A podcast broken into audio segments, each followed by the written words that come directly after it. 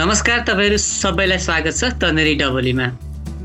अहिले हामी home quarantine special तन्नेरी डबली गर्दैछौँ। आजको डबलीमा तपाईँसँग छु म नवीन र मसँग हुनुहुन्छ किरण कौशल। किरण कौशल प्रदेश नम्बर पाँचको पाल्पा जिल्लामा बस्नुहुन्छ। उहाँ चाहिँ एक दशकदेखि सक्रिय रूपमा पत्रकारितामा लागिरहनु भएको छ। र उहाँ चाहिँ नीति पात्रमा पनि इन्गेज हुनुहुन्छ। नीति पात्रो भनेको चाहिँ प्रदेश नम्बर पाँचको प्रदेश सरकार र स्थानीय सरकारहरूको सम्पूर्ण जानकारी दिने पोर्टल हो। किरण र म समकक्षी नै हो तर म उहाँलाई चाहिँ दाई भन्छु। त्यही भएर म सम्बोधन गर्दा चाहिँ किरण दाई भनेरै सम्बोधन गर्छु। यो तन्दुरी डबली तपाईँहरूले पहिलादेखि नै सुनिरहनु भएको भए चाहिँ धेरैले मलाई नवीन दाई नवीन दाई भन्थ्यो। आज चाहिँ मलाई मौका जुरिया छ किरण दाई भन्ने। त्यही भएर आज मैले आफूले सम्बोधन गर्दा दाई भनेर सम्बोधन गर्ने मान्छे पहिलोपल्ट डबलीमा आउनु भएको छ। आज हामी नागरिकको जनजीवन कस्तो भइरहेछ प्रदेश नम्बर पाँचको सरकारहरूको तयारी कस्तो छ भन्ने विषयमा गफ गर्छौँ। विगत दुई हप्तादेखि चाहिँ नेपालमा कोरोना नफैलियोस् भनेर लकडाउन गरिरहेको अवस्था छ। अहिलेको यो समयमा चाहिँ जस्तै लकडाउन पछि त्यहाँको आम मानिसहरूको चाहिँ के कस्ता समस्याहरू भोगिरहनु परेछ के छ प्रदेश नम्बर पाँचको स्थिति? त्यहीबाट कुरा सुरु गरौँ न हामी। प्रदेश नम्बर पाँचको आम नागरिकले भोग्नु परेको समस्याको कुरा गर्दा सबैभन्दा पहिला समस्या भनेको केही विपन्नता परिवारमा देखिन्छ। जस्तै उनीहरूलाई खाद्यान्नको समस्या देखिया थियो। सरकारी स्थानीय सरकारले उनीहरूलाई वितरण गरेको छ। तर केही अझै यस्ता मजदुरहरू छन् जुन बाहिरी जिल्ला मानौ पाल्पाभन्दा बाहिरबाट वा प्रदेश नम्बर पाँचभन्दा बाहिरबाट आएर यहाँ पेसा व्यवसाय गर्छन्। उनीहरू मजदुरी गर्थे। उनीहरूको लागि दैनिकी गुजार्न केही समस्याहरू देखिएका छन्। जस्तै त्यसमा ठुला ठुला आयोजनाका मजदुरहरू अनि रिक्सा चालकहरू गाडी चालकहरू यस्ता व्यक्तिहरूलाई सरकारले प्रदान गरेको राहत वा स्थानीय सरकारले प्रदान गरेको राहतले छुन सकेको छैन। यो एउटा अलिकता उनीहरूको लागि समस्या हो। त्यो सँगसँगै यही खाद्यान्नकै कुरा गर्नुपर्दा कतिपय विद्यार्थीहरू जुन एसी दिन सेन्टरसम्म पुगे वा एसी दिन अभिभावकको वा आफन्तको घरसम्म पुगे उनीहरू सबै पनि घर फर्किन पाइ नसकेको अवस्था थियो। उनीहरूका लागि पनि यो राहत वितरणले समेट्न सकेको छैन। त्यसकारण उनीहरू पनि केही समस्यामा छन् भन्ने हाम्रो बुझाइ हो। अर्को कुरा खाद्यान्नको कुरा सँगसँगै पछिल्लो समयमा ग्यास जुन खाना पकाउने ग्यास छ सहरी क्षेत्रमा त्यसको पनि केही समस्या देखिन थालेको छ बिस्तारै। यसका लागि राज्यले सात किलोको सिलिन्डर वितरण गर्ने योजना बनाएको छ। त्यसले गर्दा पनि पछिल्लो समय यो ग्यास आपूर्तिमा अलिक समस्या देखिएको जस्तो देखिन्छ।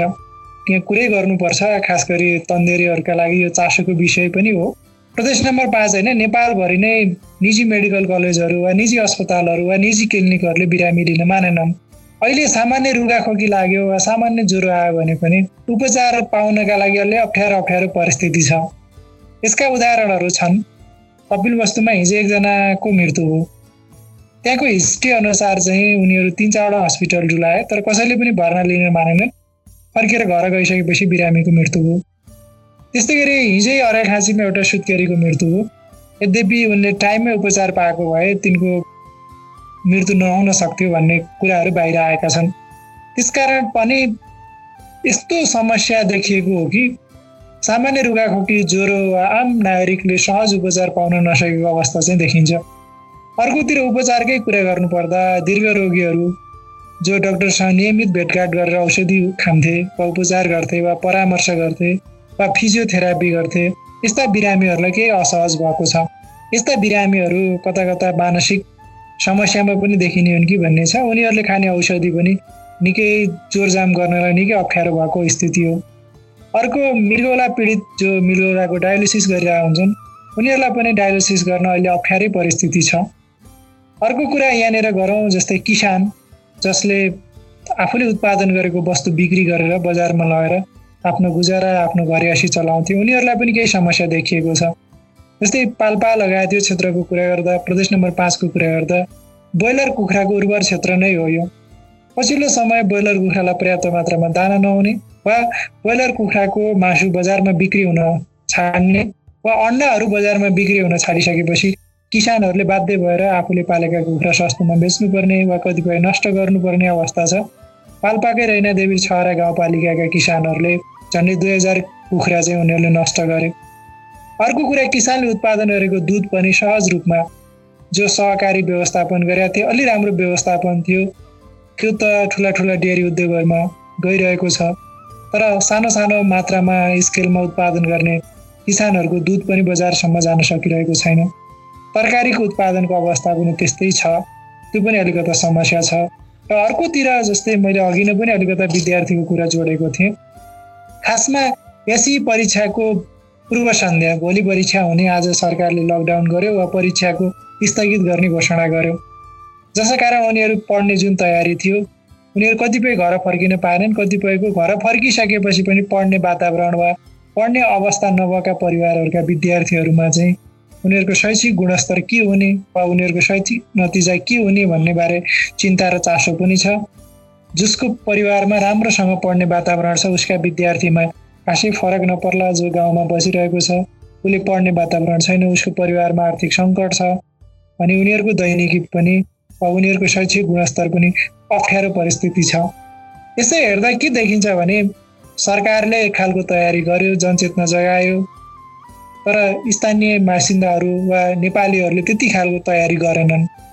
आफूले पूर्ण तयारी गर्दा नगर्दाको परिणामस्वरूप वा यस्तो खर्चको जोजाम गर्न नसकिरहेको परिस्थितिमा चाहिँ लकडाउन हुँदा उनीहरूलाई कता कता त्यस्तो समस्या भएको कता कता त्यस्तो अनुभूति गरेको त्यस्तो अप्ठ्यारो भएको देखिन्छ। तर यो समस्या चाहिँ बनिरहेको वा दैनिकै गुजारासँग अलि अप्ठ्यारो परिस्थिति भइरहेको देखिन्छ नवीन। एकदम तपाईँले सही भन्नुभयो। जस्तै राज्यले आफ्नो हिसाबले तयारी गर्यो आफूले एउटा प्लान गर्यो तर जनताले त्यो लेभलको तयारी गर्न पाएन आफ्नो लेभलमा। त्यसले गर्दा पनि अहिले हामीले अलिकति धेरै समस्या भोगिरहनु परेको छ। यस्तो बेलामा चाहिँ जस्तो विपदको घडीहरूमा चाहिँ हामीलाई अझ बढी राज्यले चाहिँ धेरै गर्दै हुन्थ्यो। राज्यले चाहिँ मलाई अलिकति हामीलाई सोध्दै हुन्थ्यो। जस्तै राज्यहरूले चाहिँ यस्तो बेलामा चाहिँ अलिकति अझ सेन्सिटिभ भएर लागोस्। यस्तो विपद परेको बेलामा राज्यले मलाई बुझोस् सोझोस् भन्ने हाम्रो अपेक्षा हुँदो रहेछ। हामीलाई राज्यप्रति अलिकति धेरै कुरा गरिदियोस् भन्ने अपेक्षा बढ्नु स्वाभाविक पनि हो। अब अलिकति कुरा गरौँ न। अहिले त हामीसँग तिन तहको सरकार छ।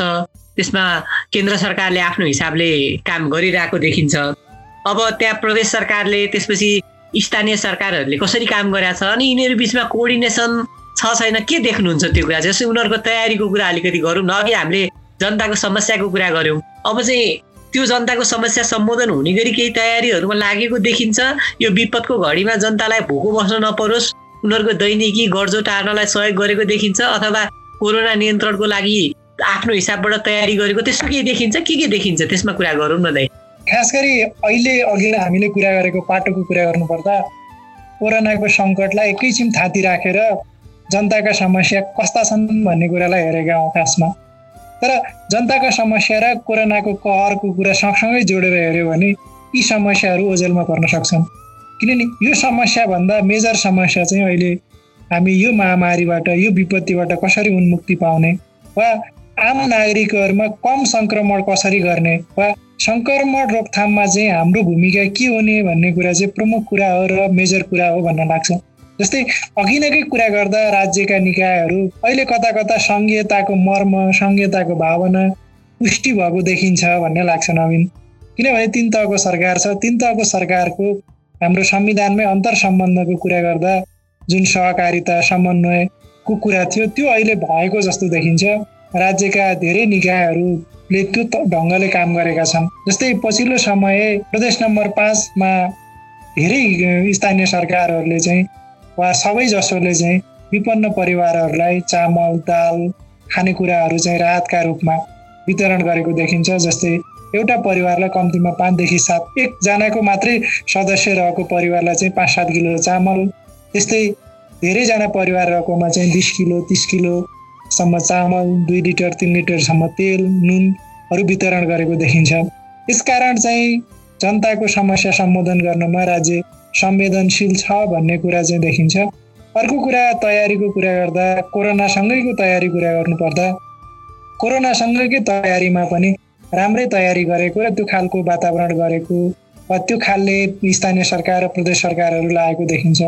त्यस्तै मैले अघि नै भने मुख्य रूपमा चाहिँ ज्यालादारी मजदुरलाई घरमै पुगेर खाद्यान्न सहयोग गर्ने लाखौँ रुपियाँ चाहिँ स्थानीय सरकार र प्रदेश सरकारमा चाहिँ विपद कोषको स्थापना गर्ने पालिकै पछि क्वारेन्टाइनहरूको स्थापना गर्ने केही गाउँपालिकाहरूमा चाहिँ आइसोलेसन बेडहरूको सञ्चालन गर्ने गाउँ गाउँमा पुगेर मास्कहरू सेनिटाइजरहरू साबुनहरू वितरण गर्ने र प्रमुख कुरा चाहिँ विदेशबाट आएकाहरूको तथ्याङ्क सङ्कलन गर्ने र उनीहरूलाई क्वारेन्टाइनमा राख्न प्रोत्साहन गर्ने भारतीय सीमासँग जोडिएका नाकाहरूमा कडाइ गर्ने अन्तर जिल्ला अन्तरपालिका जोड्ने नाकाहरूमा हेल्थ टेक स्थापना गर्ने र विभिन्न माध्यमहरू सञ्चार माध्यम सोसियल मिडिया पर्चा पम्पलेट माइकिङबाट चाहिँ नागरिकलाई कोरोनाको रोकथामका बारेमा चेतना फैलाउने पैसा नलाग्ने टोल फ्री नम्बरहरू सञ्चालन गर्ने नेपाल सरकारले निर्णय गरे अनुसार चाहिँ घर बहाल छुट गर्ने जस्ता कुराहरू पनि भइरहेका छन्। यसबिचमा जस्तै प्रदेश नम्बर पाँच सरकारले पनि निकै तयारी गरेको छ र गाउँपालिकाहरूले पनि त्यो खालको तयारी नगरपालिकाहरू उपमहानगरपालिकाहरूले त्यो खालको तयारी गरेको देखिन्छ। प्रदेश नम्बरकै पाँचको कुरा गर्नुपर्दा अहिले कोरोना सङ्क्रमणको प्रमुख च्यालेन्ज प्रमुख चुनौती आजसम्म हामीले देखिरहेको रिपोर्टका आधारमा चाहिँ वैदेशिक रोजबाट फर्किनेहरूको बाट नै सङ्क्रमण फैलिएको वा उनीहरूबाट परिवारमा सर्न सक्ने खतरा रहेको देखिन्छ। जसका कारण यसको तथ्याङ्क सङ्कलन गर्ने र उनीहरूलाई घरमै गएर उपचार गर्ने वा उनीहरूलाई घरकै क्वारेन्टाइनमा बस्न प्रोत्साहन गर्ने वा सरकारी क्वारेन्टाइनमा आएर बस्न प्रोत्साहन गर्ने खालको कुरा गर्न गरिरहेका छन्। त्यस्तै डेटाकै हिसाबले हेर्ने भने पाल्पामा झन्डै बाह्र सय चालिसजना आएको देखिन्छ। गुल्मीमा सत्र सय चौबिसजना आएको देखिन्छ। पराखाँचीमा उन्नाइस सय सन्ताउन्नजना आएको देखिन्छ। रूपन्देहीमा पाँच सय तेइसजना आएको देखिन्छ। यस्तै कपिल वस्तुमा तिन सय सत्तरीजना आएको देखिन्छ। दाङमा एक सय दुईजना रोल्पामा तिन सय आठजना। यस्तै गरी प्रदेश नम्बर पाँचका बाह्रवटै जिल्लामा तथ्याङ्कहरू सङ्कलन गरेर उनीहरूलाई सँग समन्वय गर्ने उनीहरूलाई घरमै बस्न प्रोत्साहन गर्ने क्वारेन्टाइनमा बस्न प्रोत्साहन गर्ने गरिरहेको देखिन्छ। अर्को कुरा प्रदेश नम्बर पाँच सरकारले स्थानीय सरकारसँग मिलेर मुख्यमन्त्रीले भिडियो कन्फरेन्सहरू बारम्बार गरिरहनु भएको छ।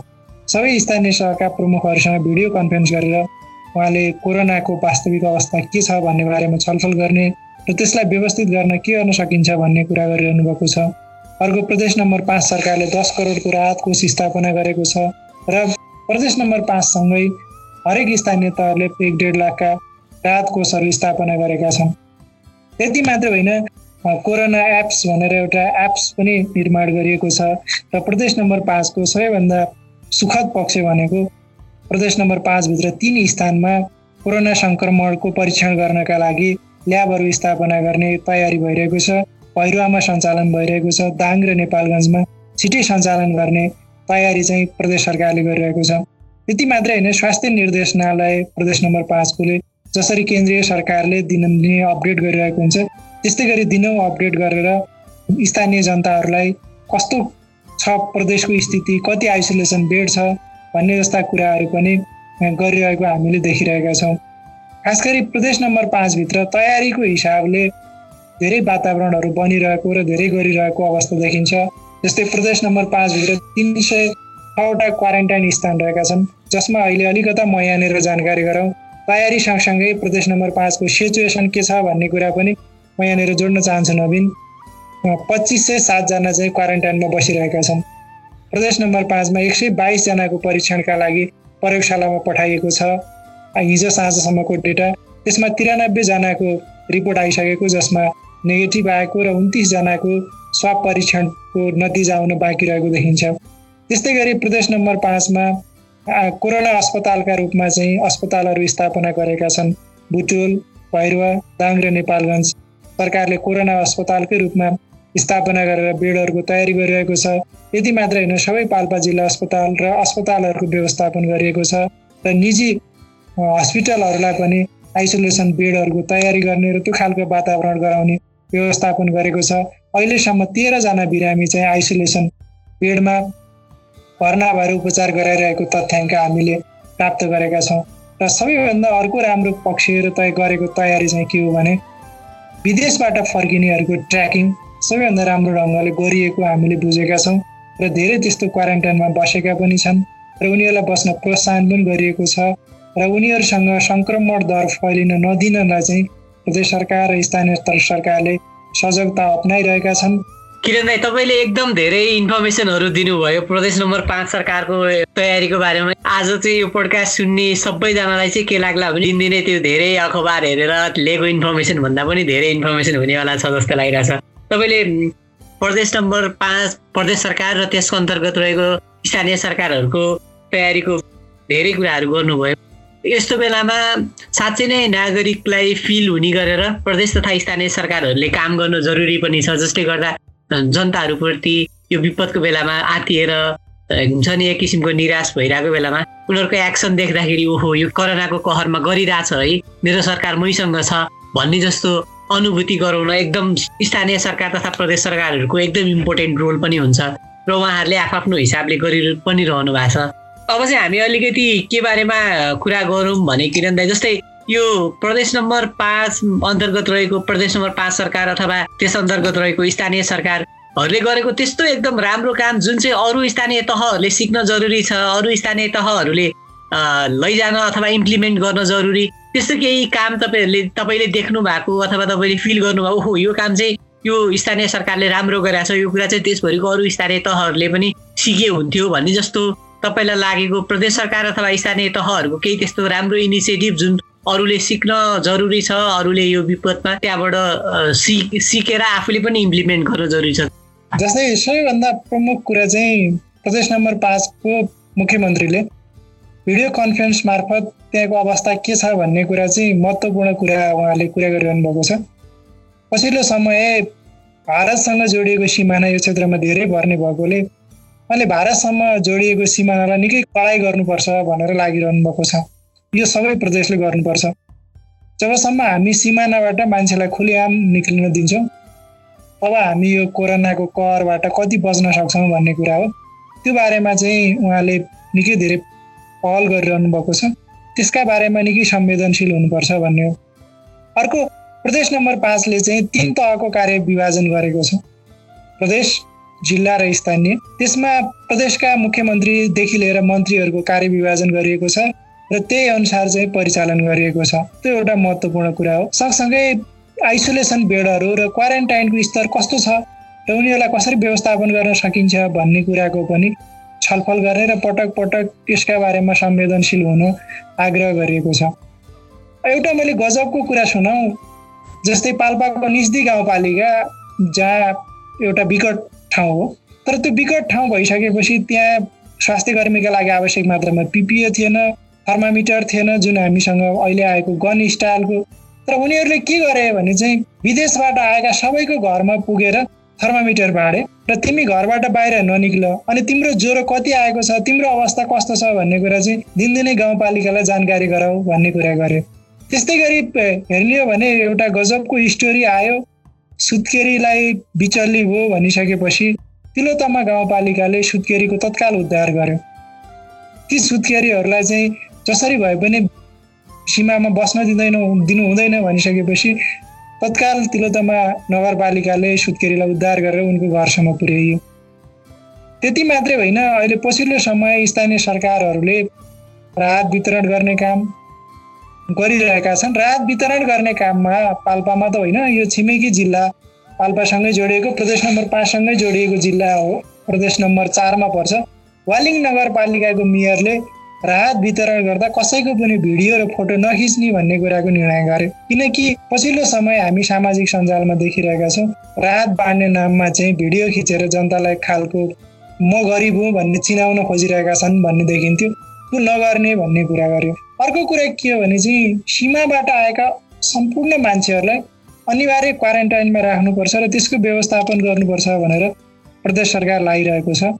अर्को कुरा के पनि भयो भने जस्तै सबैभन्दा चुनौतीमा च्यालेन्जमा चाहिँ एम्बुलेन्स चालकहरू छन् भन्ने बुझिसकेपछि एम्बुलेन्स चालकहरूलाई आवश्यक परामर्श र एम्बुलेन्स र बिरामीको दूरी कायम गर्ने कुरा पनि यो प्रदेशमा भएको छ र यो क्षेत्रका मानिसहरूले गरिरहेका छन्।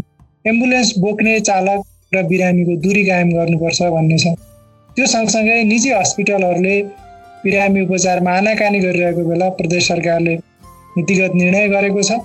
तपाईँहरू चाहिँ यसमा कुनै पनि हिसाबले यस्तो गर्न पाउँदैनहुन्न भन्ने हिसाबले उहाँहरूलाई कडाइका साथ लागु गरिसकेपछि एक खालले प्रदेश नम्बर पाँचभित्र कोरोनाको करलाई न्यूनीकरण गर्नका लागि देखिन्छ।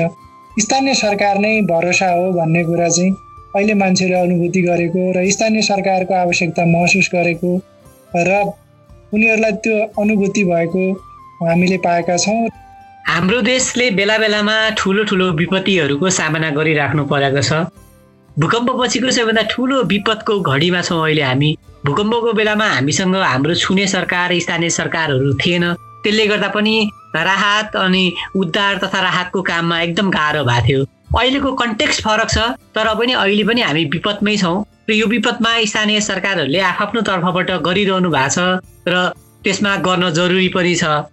अब यस्तो स्थानीय तहहरूले आफ्नो हिसाबले गरिरहनु त भएको छ तर अब तपाईँले हेर्दाखेरि चाहिँ अहिले स्थानीय सरकारहरूले अथवा प्रदेश सरकारले तुरुन्त गरिहाल्नुपर्ने यो कुरामा चाहिँ पहिलो प्रायोरिटीका साथ यो कुरालाई बरु सेकेन्ड प्रायोरिटी गरे हुन्छ। यो कुरा चाहिँ गरिहाल्न जरुरी छ भनेर भन्नु पर्यो भने त्यस्तो केही कुराहरू छन् जुन चाहिँ अब अहिले गरिहाल्नुपर्ने कामहरू भन्नु पर्यो भने एक नम्बरमा त पाँचले सीमा चाहिँ कडाइका साथ गर्नुपर्छ र सीमाबाट नेपाली लगायत कसैलाई पनि प्रवेश गर्न नदिने र बाहिरबाट प्रवेशलाई रोक्नुपर्छ। यदि उनीहरू आउनुपर्छ उनीहरूको आउने बाध्यता छ भने यिनीहरूलाई चाहिँ अनिवार्य क्वारेन्टाइनमा राख्ने र त्यसको व्यवस्थापन गरिसकेपछि मात्रै समाजमा पुर्याउने गर्नुपर्छ। अर्को कुरा विदेशबाट फर्किएकाहरूको अझै ट्र्याकिङ गर्नुपर्छ। उनीहरूको स्वास्थ्य अवस्था के छ र उनीहरू कहाँ छन् र कस्तो छन् भन्ने कुरालाई चाहिँ अझै व्यवस्थित गर्नुपर्छ भन्ने लाग्छ। अर्को कुरा चाहिँ स्वास्थ्य कर्मी एम्बुलेन्स चालक सुरक्षाकर्मीहरूको मनोबल उच्च बनाउनुपर्छ किनभने हामी तयारी गरिरहेका छौँ तर जसले खासमा काम गर्ने मान्छे भनेको यिनै मान्छे हुन्। तपाईँलाई भनौँ स्वास्थ्य कर्मीहरूले केही मनोबल उच्च बनाउन सकिएन। उनीहरूलाई नै पर्याप्त मात्रामा सुरक्षाको अनुभूति दिलाउन सकिएन भने भोलि कोरोनाको कहरका बेला धेरै सङ्क्रमण फैलिएको बेलामा उपचार गर्न नसक्ने अवस्था हुनसक्छ। त्यसका बारेमा पनि तत्काल व्यवस्थापन गर्नुपर्छ। सँगसँगै स्वास्थ्य उपकरणहरू को व्यवस्थापन पनि अत्यन्तै राम्रोसँग गर्नु पर्यो र धेरै गर्नुपर्ने छ। र सबैभन्दा महत्त्वपूर्ण कुरा के छ भने नवीन कोरोना भनेको जाँच नै सबैभन्दा ठुलो कुरो हो। जाँच जाँच र जाँच। हामी जबसम्म सबै आम नागरिकहरू जो शङ्का लागेका छन् उनीहरूको परीक्षण गर्न सक्दैनौँ। तबसम्म यो रोग निवारण वा यसको शङ्का दूर गर्न सक्दैनौँ। सुन्दा राज्य स्थानीय सरकार प्रदेश सरकार र केन्द्रीय सरकारले पहिलो प्रायोरिटी चाहिँ मलाई लागेको जाँचमै दिनुपर्छ। त्यसले तिन चारवटा कुरा फाइदा गर्छ।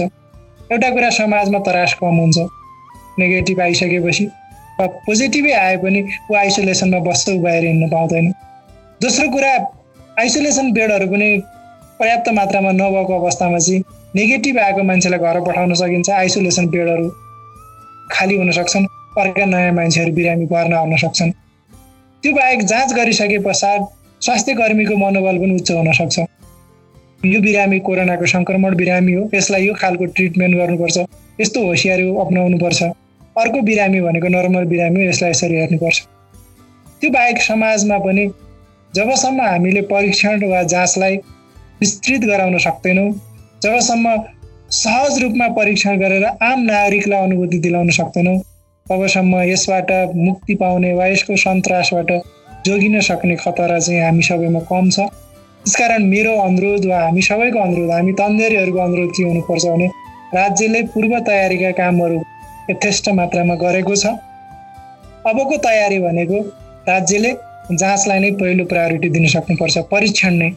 जति सके धेरै मान्छेको स्वाब परीक्षण गर्न सकियो जति सके धेरै मान्छेलाई परीक्षणको दायरामा ल्याउन सकियो त्यति नै हामी सङ्क्रमणको त्रासबाट जोगिने र जोगाउन सकिने हुन्छ।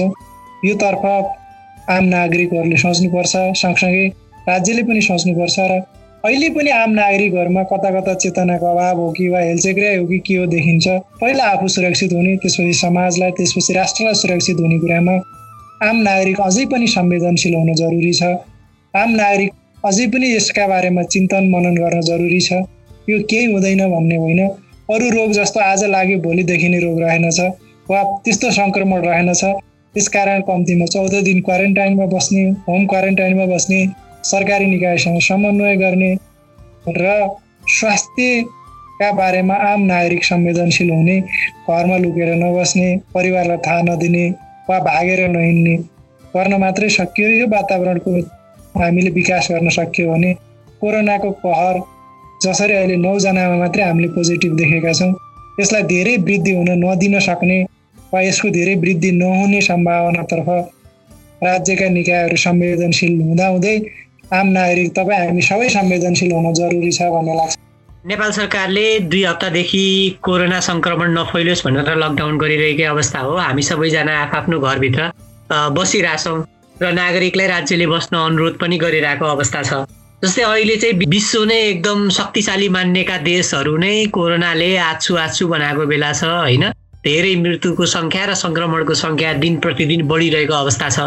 त्यसैले नेपाल अथवा हाम्रो देशको लागि सबैभन्दा उत्तम उपाय र सबैभन्दा ठुलो कुरा भनेको पूर्व तयारी यसमै कोरोनाको नम्बर अहिले जहाँ छ त्यसमै रोक्ने र योभन्दा बढी सङ्क्रमण फैलिन नदिनु नै हाम्रो लागि सबैभन्दा ठुलो बुद्धिमानीको कुरा हो। त्यसैले पनि सरकारले घरै बस घरै बस भनेर फोर्स गरिरहेको छ। घर बस्नलाई हामी जनतालाई समस्या छैन तर खानेकुराको सर्भिस डेलिभरीको कुरामा यो अति आवश्यक कुराहरू चाहिँ जनताको घर घरमा पुर्याउन सकियो यदि सरकारले त्यो किसिमको पहलहरू गर्नुभयो भने चाहिँ यो लकडाउन लम्बिँदाखेरि पनि जनताको दैनिक उपभोग्य खाद्य सामग्रीहरू चाहिँ जनतालाई पुर्याउन सकियो भने यो लकडाउनमा अझ धेरै जनताको साथ हुन्छन् र साथ र सहयोग रहन्छ होला भन्ने लाग्छ मलाई। अब अन्त्यमा दाइ तपाईँलाई भन्न मन लागेको अथवा यो बारेमा मैले केही सोध्न छुट्याएको त्यस्तो केही कुरा छ भने भनिदिनुहोस्।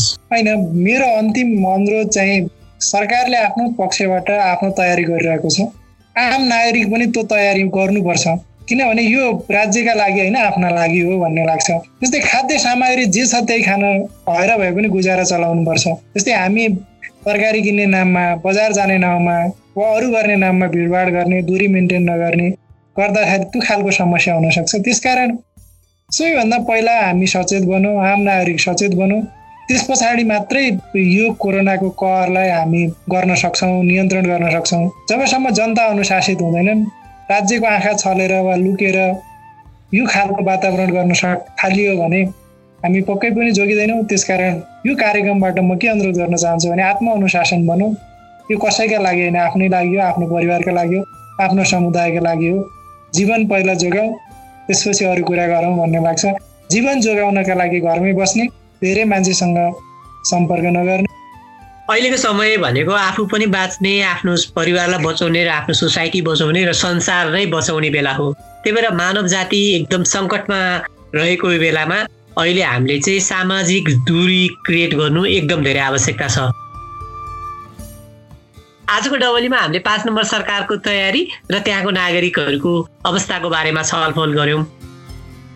आजको डबली तपाईँलाई कस्तो लाग्यो? तपाईँलाई केही आजको डबलीको बारेमा केही कुरा छ केही भन्नु मन लागेको छ भने तपाईँले जुन प्लेटफर्ममा यो डबली सुनिरहनु भएको छ त्यहाँनिर आफ्नो कमेन्ट राख्न सक्नुहुन्छ अथवा हामीलाई पोडकास्ट एट टन्देरी चासो डट इनमा इमेल पनि गर्न सक्नुहुन्छ। यति भन्दै आजको डबलीबाट हामी दुवैजना म नवीन सिलवाल र किरण कौशल हामी दुवैजना बिदा हुन्छौँ। हस् त नमस्कार।